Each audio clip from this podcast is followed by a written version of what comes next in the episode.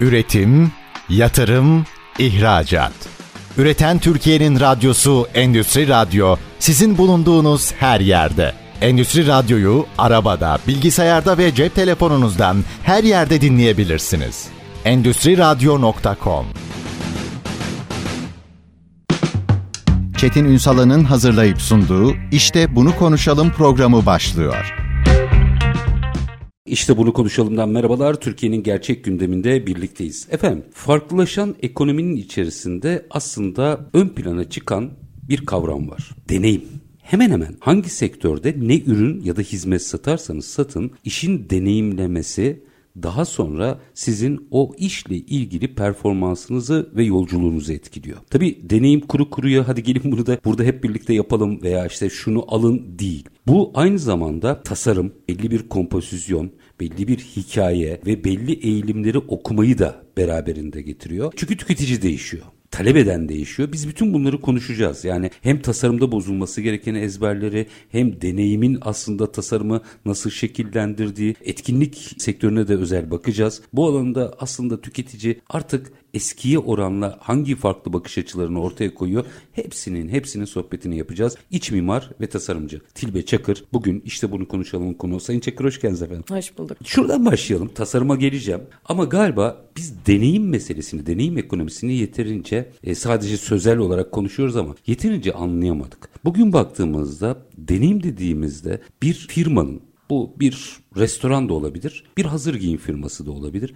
Ne anlaması gerekiyor? Biliyorsun ki ben iç mimarım ama bir süredir deneyim tasarımı yapıyorum. Aslında çoğu kişi de bunun tam olarak ne olduğunu yeni yeni anlamaya başlıyor. Deneyim artık özellikle pandemi sonrası herkesin kendini özel ve önemli hissetmek istediği bu zamanda hayatımıza çok fazla girdi. Çünkü eskiden sadece karnını doyurmak için yemek yerken ya da işte ihtiyaçların için kıyafet alırken şu an tamamen bize özgü, özel bir parçasının olmasını istiyoruz. O yüzden de burada deneyim devreye giriyor. Dediğim gibi bu her yerde olabiliyor. Yani bu iş yerinde de öyle. Şimdi mesela özellikle ben bunu IT sektöründe görüyorum. Bütün gününü ofiste geçirdikleri için çalışanlarına full deneyim sağladıkları bir iç mimari tasarımlar yapıyor olduk. Perakende de öyle aynı. İşte visual artlar devreye girdi. AI'lar devreye girdi. Restoranda da öyle ee, ki benim ağırlıklı çalıştığım yerler otel ve restoranlar. Burada ya kendinizi bir oraya gittiğinizde bir müşteri olarak değil bütün full deneyimin parçası olarak hissetmelisiniz. Bu da deneyim ne demek? Aslında beş duyu organla beraber hissedebildiğimiz. Yani örnek veriyorum bir yerde yemek yiyorsunuz ve farkında olmadığınız bir arkada bir müzik çalıyor ve bu müzik aslında kulağı rahatsız eden bir tını. Sizin e, yemek deneyiminizi aşağı çekiyor. Ya da mekandaki bir koku eğer e, rahatsız ettiyse bunların hepsi bilinçaltı bu arada. Otomatikman deneyimimizi aşağı çekebilir. Ritiminizi engelliyor yani. Aslında. Evet kesinlikle ve bunların çoğu aslında bizim fark etmediğimiz unsurlar oluyor. Benim de biraz yaptığım iş burada bütün insanın beş duyusuna hitap edebilecek işte tat, koku, görsel, işitsel gibi bütün duyulara hitap edecek unsurları dikkatlice seçerek full deneyimi arttırmak. Eskiden de böyleydi ama şöyle şu açıdan kimseyi memnun etmek mümkün değildir. Hele ki etkinliklerde bu bir organizasyonsa. Evet. Şimdi bir de talepler değişti. Yani insanların bakış açısı değişti. Herkes ayrı bir şey istiyor. Bütün bu eğilimleri okumak nasıl mümkün oluyor? Çünkü e, bunun değişmesinin sebebi herkes çok bilinçli. Artık bilgiye ulaşmak çok kolay. O yüzden de insanlar beklentilerinin karşılığını almak istiyorlar. Bunu anlamak zor. Yani deneme yanılmayla gelişen şeyler. Ama siz müşteriye ya da misafire kendini iyi hissedecek unsurları zaten dikkat ederseniz tabii ki herkesi memnun etmek çok kolay değil. Ama kendini orada özel hissediyorsa en azından bu seviyeyi daha yükseltmiş oluyorsunuz. Peki bunun bir takım ortalama ipuçları var mı? Yani çünkü düşünün ki e, bir organizasyon bu bir iş yeri bile olabilir. Hı hı. Yani dediğiniz gibi IT hı hı. sektörü bu sosyal alanlarını çok hı hı. çoğaltıyor vesaire. Herkesi memnun etmek üzerine mi kurgulu bu deneyim tasarımı yoksa ortalama bir deneyimden mi bahsediyoruz? Ya aslında her şeyin bir standartı vardır genelde. O standartın üstüne çıkmak. O standartın üstüne çıktığınızda aslında ortalamanın üzerinde oluyorsunuz ve işte çalışanınızın, misafirinizin, müşterinizin beklentisini yükseltiyorsunuz. Ona aslında daha fazla ne verebilirsiniz? Bundan bahsediyoruz. Takip ettiğim işler var. Bakıyorum mesela özellikle sizin yaz boyu böyle bir enteresan bir şekilde takip ettim ben sizin organizasyonları. Eskiden şunu bilirdik biz işte bir gece olurdu. Bu özel bir gece olabilir. Bu düğün olabilir veya işte bir şirket yemeği olabilir vesaire vesaire. Bunun üç aşağı beş yukarı standardı belliydi. Çıkacak sanatçıya kadar herkes bilirdi. Öyle olmuyor. Yani orada bir bakıyorum mesela renkler fark ediyor. Mekana göre müzik fark ediyor. Oradaki ortama göre bir nabza göre bir şerbet verilmiş. Bakıyorum herkes ona uyum sağlamış. Yani onun içine dahil etme var. İşte bütün bunlar aslında tasarımı gerektiriyor. Evet. Bu bir tasarım. Peki bu tasarım adına bozmamız gereken ezberler ne? Aslında alışılmışın dışına çıkmak dediğiniz gibi mesela bir mekana, ortama göre bunu iyi anlayıp doğru analiz edip ona göre bir konsept oluşturmak. Çünkü konsept burada çok önemli. Böylelikle dışarıdan gelecek insanları da dediğiniz gibi yani bu oyuna dahil edip bir parçası gibi hissetmek. Artık alışılagelmiş bir şeyleri yapmak çok sıradanlaştı ve şu an yeni dünya düzeninde sıradanı istemiyoruz. Farklılığı istiyoruz. O yüzden de ne kadar özden olabilirse, ne kadar farklı olabilirse o kadar iş yapıyor diyebilirim. Ya peki bu genellikle mekan sahibinden mi gelir bu tip talepler yoksa her organizasyona göre değişir mi bu tip şeyler? Her organizasyona göre değişir. Şimdi bir de şöyle bir şey var. Artık çok fazla marka var. Çok fazla duyulmak isteyen çünkü artık bir şeyleri üretmek de marka kurmak da çok kolaylaştı ve herkes kendi sesini duyurmaya çalışıyor. Ve bu kadar markanın arasında öne çıkmak için farklı bir yerden gitmeniz lazım. Genelde marka sahipleri zaten burada bunu talep ediyorlar. Bunu gerekli ajanslardan işte kim yapacaksa organizasyon firmalarından on ya da işte PR ajansları da olabilir. Sıyrılacak yeni önergelerde bulunuyorlar. İlişki orada nasıl şekilleniyor? Teslim mi oluyorlar yoksa farklı bir metodoloji mi var? Yani teslim olan da var, çok içine dahil olan da var. Aslında bu tamamen işverenin ne kadar konuya dahil olduğuyla alakalı veya ne kadar bilgili olduğuyla alakalı. Bazıları var ya da işte işe başlıyorsunuz, size öyle bir güven oluyor ki bir süre sonra size komple teslim olmayı tercih ediyorlar. Bu tamamen aradaki ilişkiyle alakalı. Peki ne fark ediyor onun hayatında? Galiba en kritik soru bu. Bir şeyleri farklılaştırdım. Gerçekten ne fark ediyor? İşletmecinin ee, hayatında ne fark ediyor? Öne çıkıyor ve diğer markalardan ayrılıyor. Gerçekten bu kadar fark ediyor Evet gerçekten bu kadar fark ediyor. Çünkü şu an dediğim gibi bu kadar her şeyin yoğun olduğu bir zamanda fark yaratmazsanız sıradanlaşıyorsunuz. Ve sıradanlaştığınız sürece de kendinizi yeterince ifade edip duyuramıyorsunuz. Peki bu ne bileyim renkli olabilir, müzikle olabilir, ortamla olabilir, ışıkla olabilir vesaire. Böyle bir marka ismi vermeden ne olur? Sıfırdan bir tane iskelet bir alan düşünün. Hı hı ve işte dedim ki ben gelin burayı biz farklılaştıralım. Hı. O yolculuk nasıl devam ediyor? Aslında şöyle işte renk, ışık vesaireyle değil bunların hepsi total bir paketli oluyor. Gerçekten bir şeyi farklılaştırmak istiyorsanız her kola değinmeniz gerekiyor. Çünkü başta da söylediğim gibi bu 360 derece bir deneyim. 360 derece bir konsept. O yüzden bütün her ayrıntıya dikkatlice bakmak lazım. Yani bir mekanın makyajı da düzeltilebilir. E, sıfırdan da yaratılabilir. E, ama burada dediğim gibi bütün ayrıntılara dikkat etmek gerekiyor. O ilişki nasıl gidiyor ben hala onu yani daha doğrusu ben işveren olarak bu Hı-hı. işin sadece talebimi söylüyorum. Yoksa ya Türkçesini söyleyeyim ben bunu. Hadi kırmadan dökmeden söylemeye çalışıyorum ama öyle olmaz. Bunu böyle yapalım. Bu bu kadar müdahil oluyorlar mı? Bazı kişiler evet olabiliyor ama işte orada da bazen karşı tarafın bilgisine ve tecrübesine güvenip bırakmak lazım. Ama tabii ki yıllardır gelmiş bir alışkanlık var. Sonuçta işveren de o belli bir süredir bunu yapıyor. O da kendi doğrularından çoğu zaman vazgeçmek istemiyor. Ama genelde zaten benim gibi karakter gitarlarlara, gitarlara geliyorlarsa aslında buna ihtiyaçları olduğunu gösteriyor. Orada da aslında biraz hem onun tecrübesinden faydalanarak hem de benim bugüne kadar yaptıklarımdan orta yolu bularak bir yol izlemeye çalışıyoruz. Tabii ki çok zor yani bir şey kırmak çok daha zor özellikle bu yeni dünya düzeninde. Çünkü şu an sadece hani bu sektör tasarım ya da deneyim değil her sektör o kadar hızlı gelişiyor ve dönüşüyor ki bu dönüşümü ayak uydurmak çok zor. O yüzden de biraz geçmişin izleriyle geleceğin böyle kırıntılarını birleştirmek lazım. Onu zaten açacağım. Yani Hı-hı. sektörler üstü o ezberleri nasıl bozmamız yapmamız gerektiğini bir sonraki bölümde açmak istiyorum ama tam buradayken şunu bitirmeden konuşmak isterim. Sanıyorum pandemide sizle bir program Hı-hı. yaptığımızda ben deneyim tasarımını ilk kez orada durmuştum. Hı-hı. Galiba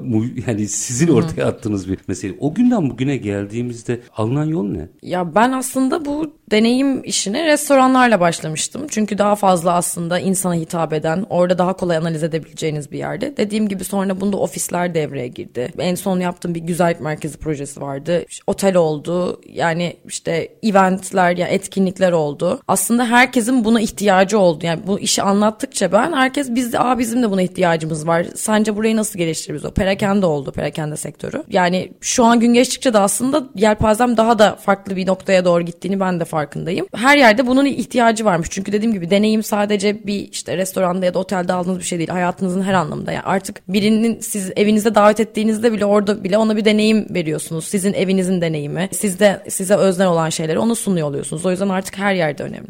Değiştirebiliriz değil geliştirebiliriz diye mi geliyorlar? İşte o arada onu yakaladım. O enteresan bir vurgu. Yani Nasıl e, değiştirebiliriz değil de nasıl geliştirebiliriz geliştirebiliriz daha da ya eğer sıfırdan bir yer değilse O ayrı. genelde bunu nasıl daha iyiye götürebiliriz oluyor. Daha nasıl geliştirebiliriz kendimizi oluyor ve e, çoğu müşterim de bu konuda destek alıyor. Dünyada da benzer bir trend var mı diyeceğim ama reklamlardan sonra alacağım yanıtını. Efendim iç mimar ve tasarımcı Tilbe Çakır bizlerle birlikte deneyim tasarımını konuştuk. Biraz bu son sorduğum sorunun yanıtını biraz alacağım. Dünyada da acaba ne konuşuluyor? Ama onun ötesinde biraz sektörler üstü. Tüm sektörlerin tasarımdan bahsettiği bir alanda tasarıma dair bakış açısını biraz mercek altına almakta fayda var. O ezberleri nasıl bozmalıyız? Kısa bir ara aranın ardından işte bunu konuşalım. Üretim, yatırım, ihracat. Üreten Türkiye'nin radyosu Endüstri Radyo sizin bulunduğunuz her yerde. Endüstri Radyo'yu arabada, bilgisayarda ve cep telefonunuzdan her yerde dinleyebilirsiniz. Endüstri Radyo.com Kısa bir aranın ardından işte bunu konuşalım demeye devam ediyoruz efendim. Konuğumuz iç mimar ve tasarımcı Tilbe Çakır. Deneyim ekonomisiyle, deneyim tasarımıyla daha doğrusu başladık. Tasarımda bozulması gereken ezberleri de açacağız. Biraz sektörler üstü de açacağız ama ilk önce bulunduğumuz yerden devam edelim. Dünyada insanları değişti. Talep değişiyor. Dünyada bu iş nasıl tartışılıyor? Mesela özellikle etkinlik sektörü açısından baktığında mutlaka takip ediyoruz.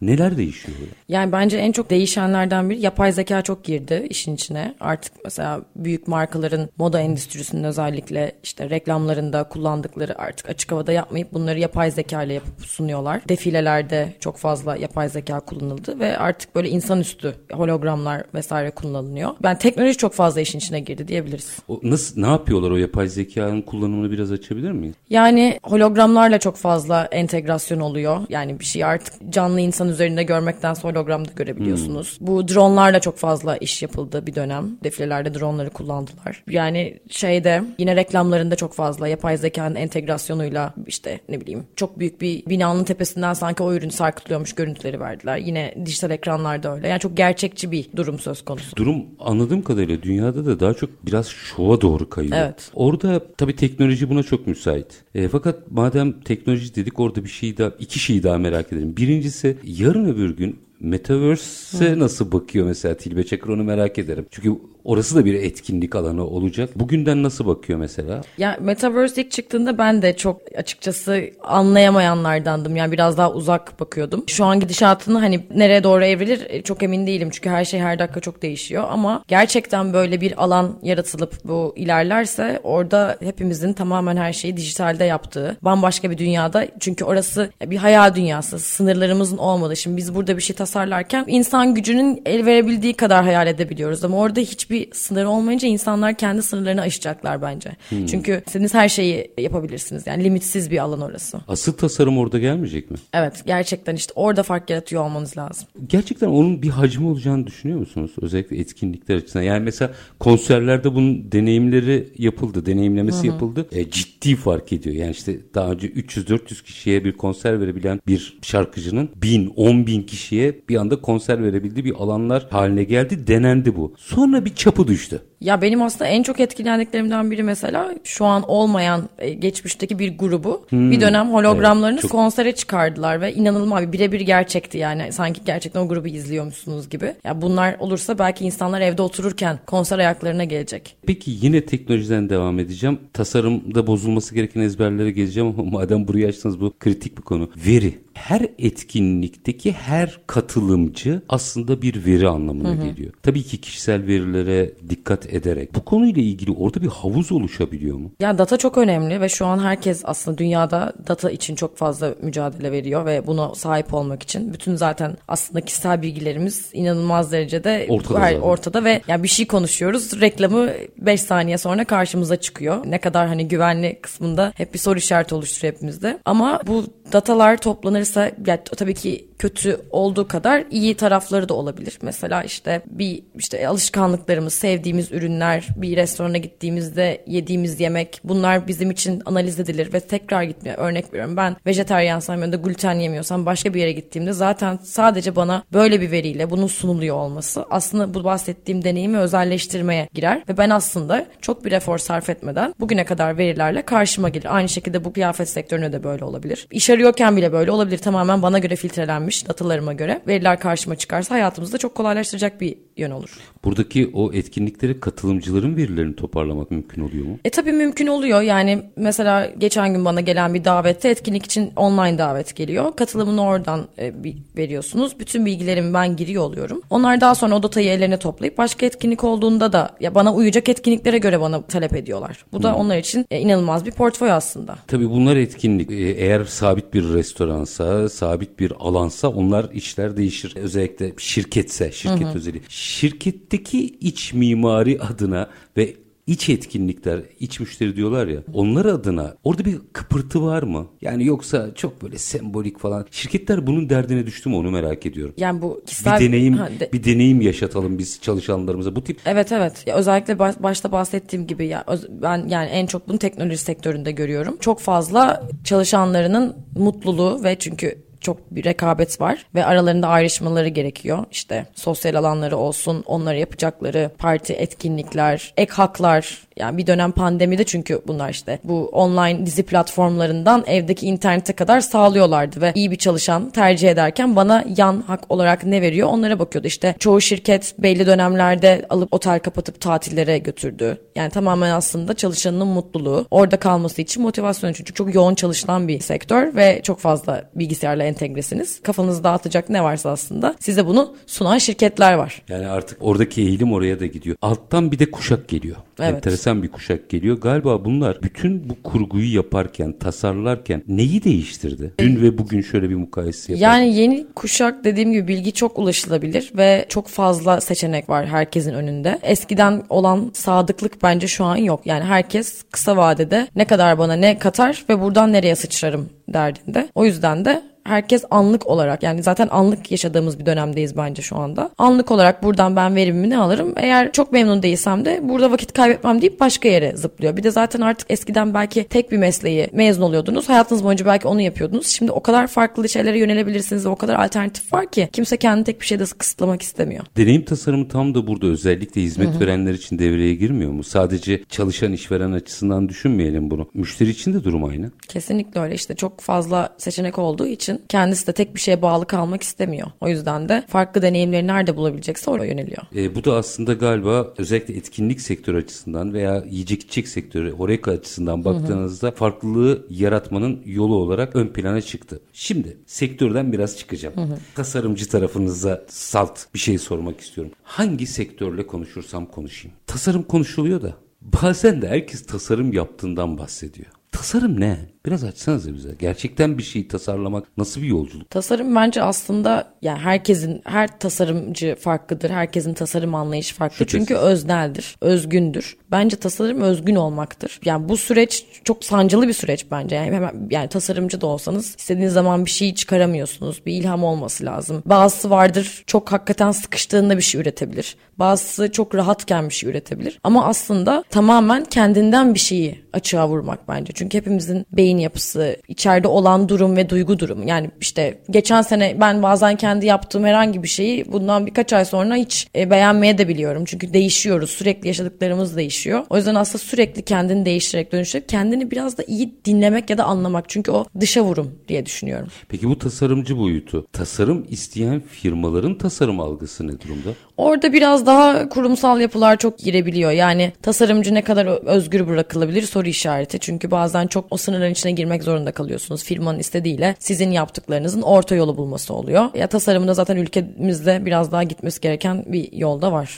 Neyi bozacağız? Biraz onu açalım. Çünkü diyorum ya herkes tasarımı çok önemli. Çok önemli. Katma değer burada deyip sonra da tasarım yaptığını iddia ediyor ama mesela ben o ürünü bu bir ayakkabı bile olabilir. Hı. Biliyorum ki başka firmada da var. Orada bir tasarım ikliminin oluşabilmesi için bir firmanın meseleye nasıl bakması lazım? Ya bizde maalesef şu oluyor ağırlıklı. Tasarım isteniyor ama özgün bir tasarım olduğunda da aslında sıradanlaştırılması isteniyor daha çok. Ama bunun yapılmaması lazım. Tabii ki hiç yapılmamış bir şeyi piyasaya sunmak her zaman bir risktir. Ama sıradanlaştığınızda ya da başka yerde olanı zaten kendiniz yaptığınızda çok farklılaşmış olmuyorsunuz. O yüzden de özgün olmuyorsunuz. Bir şey alıp kopyalamak zaten kolay bir seçenek. Bunu da çok büyük dünyada da endüstrilerde yapıyorlar. Onun bir alıcısı yok mu? Var. Ama bu aslında özgün bir tasarım değil. O yüzden biraz bence risk alıp tasarım ya farklılaşmayı göze almak lazım. Pahalı bir şey mesela tasarım ucuz bir şey değil. Ve ama bu bence olması gerek. Sonuçta burada bir katma değer var ve bu katma değerin karşılığı olması gerekiyor. Pahalı kime göre neye göre pahalıdır ama ya bir de biz çok genelde işte eskiden beri çok kopyalayan bir ülke olduğumuz için çok hani kolaya kaçmayı seviyoruz. Çünkü biraz insan toplumumuz da öyle. Ama bu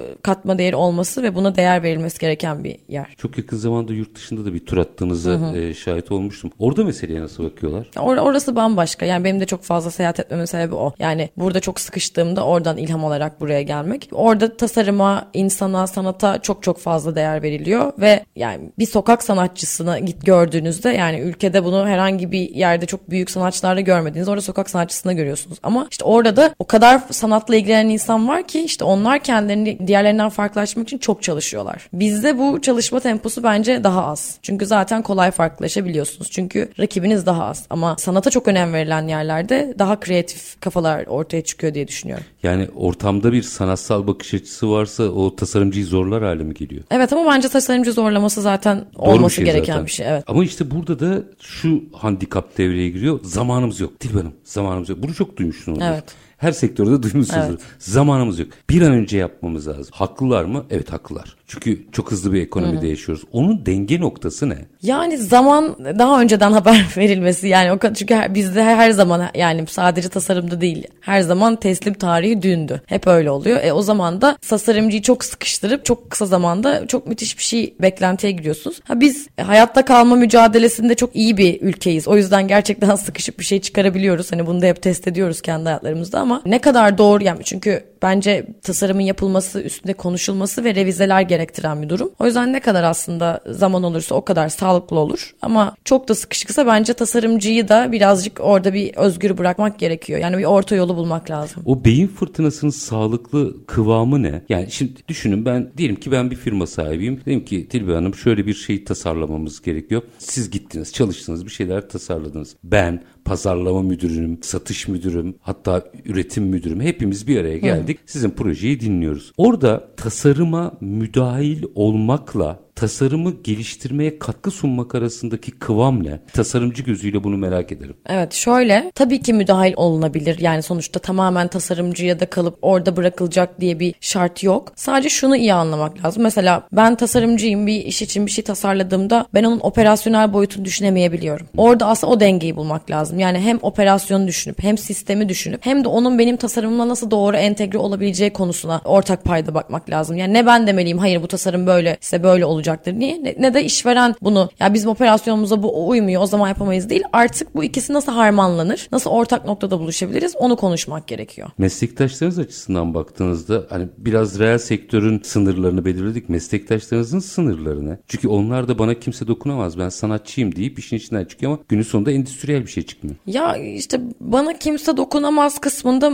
mecburen dokunuyor. Çünkü ne oluyor? Bir ya mimarlardan örnek verecek olursam istediğiniz kadar sanat eseri bir şey yapın. O iş günün sonunda müşteriyle doğru buluşmuyorsa bu iş işlerken değişmek zorunda kalıyor. Bu Hı-hı. sefer sanat eserini bozmak zorunda kalıyorlar. O yüzden de yani o kişinin emeğine de aslında yazık oluyor. Baştan bu hesaplanmazsa sonuçta işveren para kazanmak zorunda. Bu yapılan iş yolda değişebiliyor. Uçmak diye bir kavram var sizin tabiri caizse. Bu gerçekten gerekli mi? Ya bazen tasarımlar görüyorum yani sadece vitrinlik. Hı-hı. Hiçbir endüstriyel hali yok ama bunun bir klasman olduğundan bahsediyorlar mesela zaman zaman. O da olmalı diyorlar. Onun dengesi ne? İş insanı gözüyle soruyorum bu arada. Bir gazeteci gibi değil de iş insanı gözüyle. Çünkü bu sorular hep geliyor. Orada denge noktası ne? Yani uçmak her zaman yani ayakları yere basarak uçmak belki de hani çünkü Açın biraz güzel e, yani her işte her sektörde uçmak ne kadar işe yarar bilmiyorum. Bir dediğim gibi burada biraz daha sektörü, işi, işvereni çok doğru anlamak lazım. Eğer orada işveren de uçmanızı istiyorsa ve size bir özgür alan bıraktıysa evet uçulabilir çünkü belki de o müşteriye hitap hitap ediyorsunuz. Yani bu uçmayı ve ayakları yere basmayan kısmı işte o farklılığı veren bir müşteriye hitap ediyorsunuzdur. O zaman belki daha uçabileceğiniz alan olur. Ama her şeyde uçmak çok işte ayak yere basmayan bir konu oluyor ve o zaman da ileriki zamanda çok fazla dediğim gibi yolda değişen faktörler oluyor. Bu sefer işveren memnun olmayabiliyor. Tasarımcı memnun olmuyor. O yüzden bence doğru analiz çok önemli. En başta mı oturup konuşmak lazım? Onun Evet. için bir metodolojisini bize Çünkü yolda ya en başta iyi bir fizibilite çıkarıp doğru anlayıp işte markayı doğru analiz edip bu marka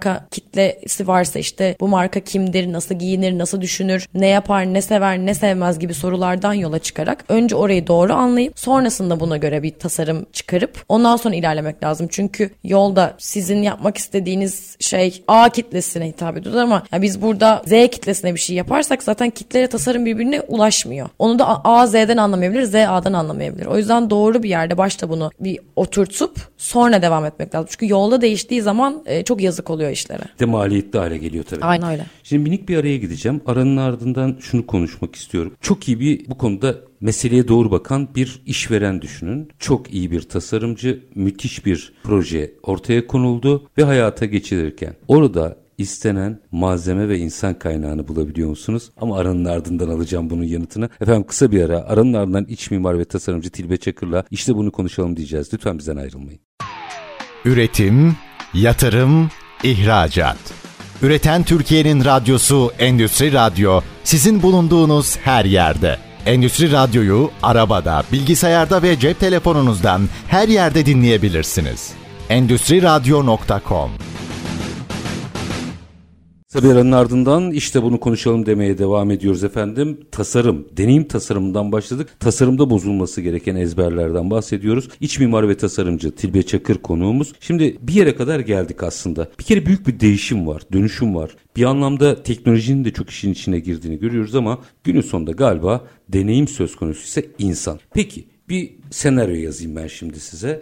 Yine bir işletmem var benim. Ne olsun hadi etkinlikten devam edelim. Restoranımı yeniden tasarlayıp orada bir konsept yaratmak istiyorum. Tamam Tilbe Hanım geldi oturduk tartıştık nedir nasıldır benim segmentim nedir falan filan. Hepsini tasarladık. Kritik soru şu uygulama aşamasına geçtiğinizde malzemesinden işçiliğine kadar tedarik noktasında yaşanan sıkıntı var mı? Çok var. Aslında şöyle güzel bir şey söyledim başta. Bütün teknoloji gelişirken aslında insan çok önemli diye. Zaten teknoloji gelişirken insan o kadar önemli ki deneyim o yüzden bu kadar önemli oldu. Ve burada da insan ilişkileri çok daha kıymetli bir hale dönüştü. Yani çünkü çok yapaylaşmaya başladık ve insan ilişkisi çok kıymetli. Burada da personel bulmak, işi yaptıracak insanı bulmak da çok zorlaştı. Çünkü bir, öncelikle bence zaten iletişim olması gerekiyor. Doğru iletişim. Ve biraz önce de söylemiştim. O kadar farklı sektörler ortaya çıkmaya başladı ki mevcut sektörler çok dönüştü, çok değişti. Ya da insanlar ya ben bu işte mutlu değilim diyorsa gidip başka iş yapmaya başladı. O yüzden de şu an değişen dünyayla insan bulmak, insan da iş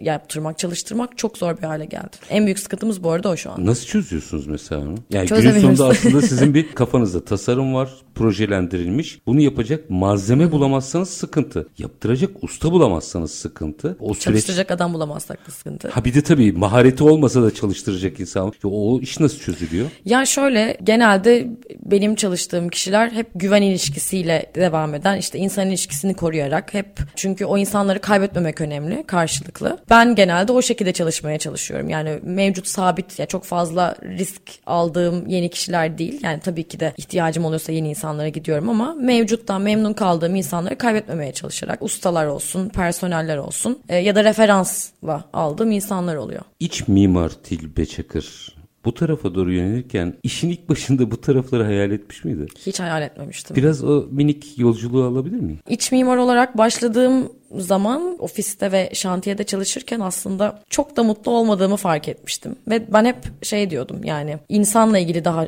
insana dokunan bir şey yapmak istiyorum diyordum. Sonra işte bu yolda bir otel, restoran gibi projeler geldikçe aslında orada sadece iç mimarisini değil daha sonra masaüstü aksesuarları, işte tekstili, üniforması gibi böyle işte kokusu böyle o tür detay hep detayları çok severdim zaten. O tür detayları da girmeye başladım. Yani onu yapmışken bu tamamen ama şey yani iş talebi talebi değil. Ya bunu da bence böyle yapalımla başladı olay. Ondan sonra hiç farkında olmadığım İcat bir şey. çıkarmak. Aynen.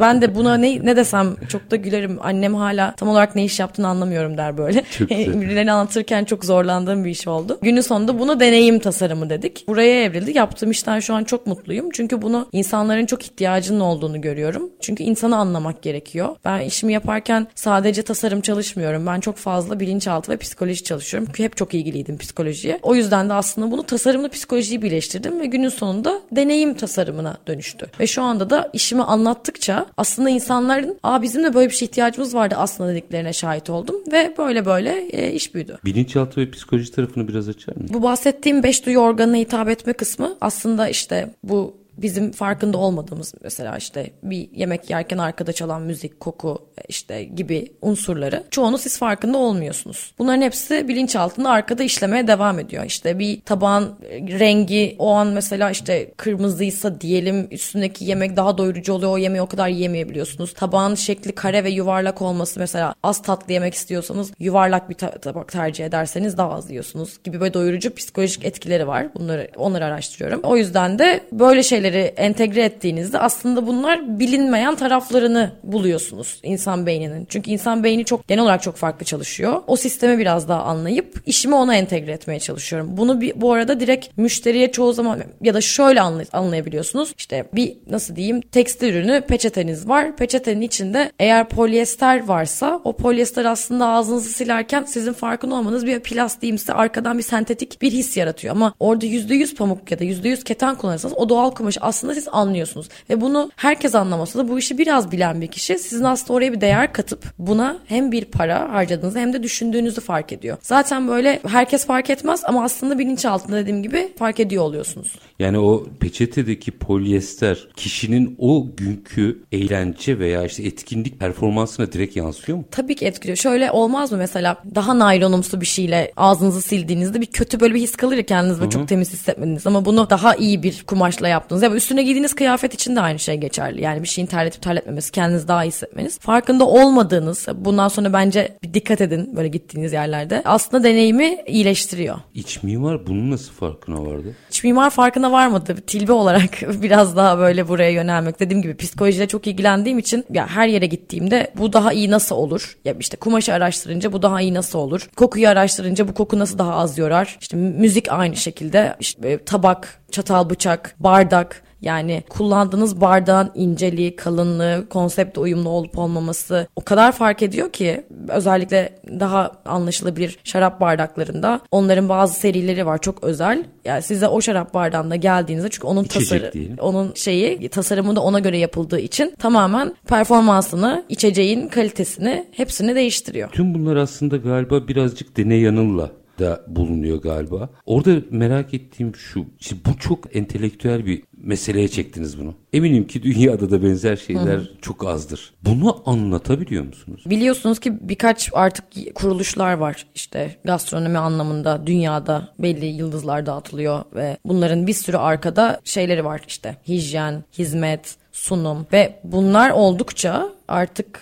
dünyada da değiştiği Ha, için somutlaştırabiliyorsunuz Tabii onlar artık sayesinde. bunların bir sürü verileri var ve insanlar ve restoranlar, oteller bu oluşumların içine girmek için çünkü oranın bir parçası olmak sizin ayrıştığınızın bir göstergesi. O kitaplara girmek, o kuruluşların içine girmek size değer katıyor ve bu değere sahip olmak için sizin de bir efor sarf etmeniz gerekiyor. Bunu benim bahsettiğim zaten bu segmentler daha böyle lüks, daha farklı bir yöne giden sektör. Bunu da ulaşan çok fazla bir müşteri kitlesi var. İki dakika var. Şunu da konuşmak isterim. Pandeminin öncesi ve sonrasıyla bir mukayese yaptığınızda işlerde ne değişti? inanılmaz değişti bu konuda. Çünkü biz pandemide yarının ne olacağını bilemediğimiz için anın kıymetini ve daha belki kısa hızlı yaşamayı gördük. O yüzden şu an ve işte özelleşme çünkü herkes ne kadar özel olduğunu, hayatın ne kadar kısa olabileceğini fark etti ve yarın hiçbir şey yaşayamadan gidebileceğinizi fark ettiniz. O yüzden bu tür etkinliklerde, bu tür işte e, hizmetlerde herkes hem özel olmak istedi hem de buna para harcamayı göze aldı.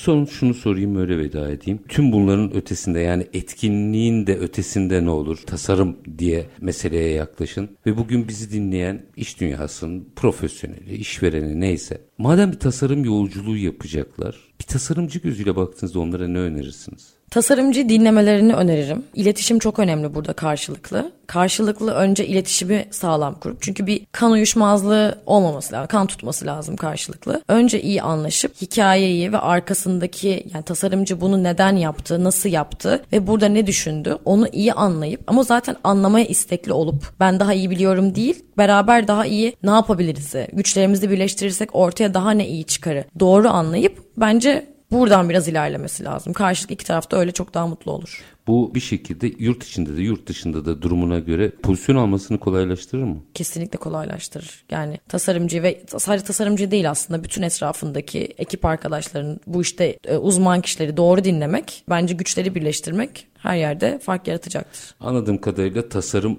artık ben biliyorum demekten vazgeçerek başlatacağımız bir süreç. Bilenlerle bir şekilde masaya oturmamız gereken bir süreç. Çok teşekkür ediyorum. Ben teşekkür ederim. Yani zordur anlatmak sanıyorum bunu. Deneyim tasarımı diye bir şey çıktı. Daha doğrusu siz galiba annenize ne iş yaptığınızı anlatmak için bulduğunuz bir şey ama enteresan her şeyi tanımlıyor. Deneyim tasarımı dediğinizde ikisini bir araya getirdiğimizde bir mesleğin daha çıktığını görüyoruz. Gördüğünüz gibi dünya değişiyor. Ekonomi değiştikçe yepyeni meslekler geliyor. Belki de iç mimarlık deneyim tasarımcısına böyle dönüyor. Hani diyoruz ya meslekler dönüşecek. Hı hı. Bu da bir örneği belki Aynen de. Öyle. Efendim iç mimar ve tasarımcı Tilbe Çakır çok çok teşekkür ediyorum. Ben teşekkür ederim. Efendim biz bugün işte bunu konuşulduğunda tasarımda bozulması gereken ezberleri mercek altına aldık. Onun da ötesinde tabii özelinde biraz etkinlikten yola çıktık. Çünkü orası çok daha enteresan ve e, birçok e, yapılan işin anında geri döndüğü, reaksiyon aldığı bir alan ama ister otomotivci olun, ister hazır giyimci, isterseniz esnaf bir şeylerde değişiklik yaratıp fark yaratmak durumundasınız. Anladığım kadarıyla dünya başka bir yere gidiyor. Siz orada olacak mısınız? Onun kararını da siz vereceksiniz. Biz her zamanki gibi bitirelim. İşinizi konuşun, işinizle konuşun. Sonra gelin işte bunu konuşalım. Hoşçakalın efendim.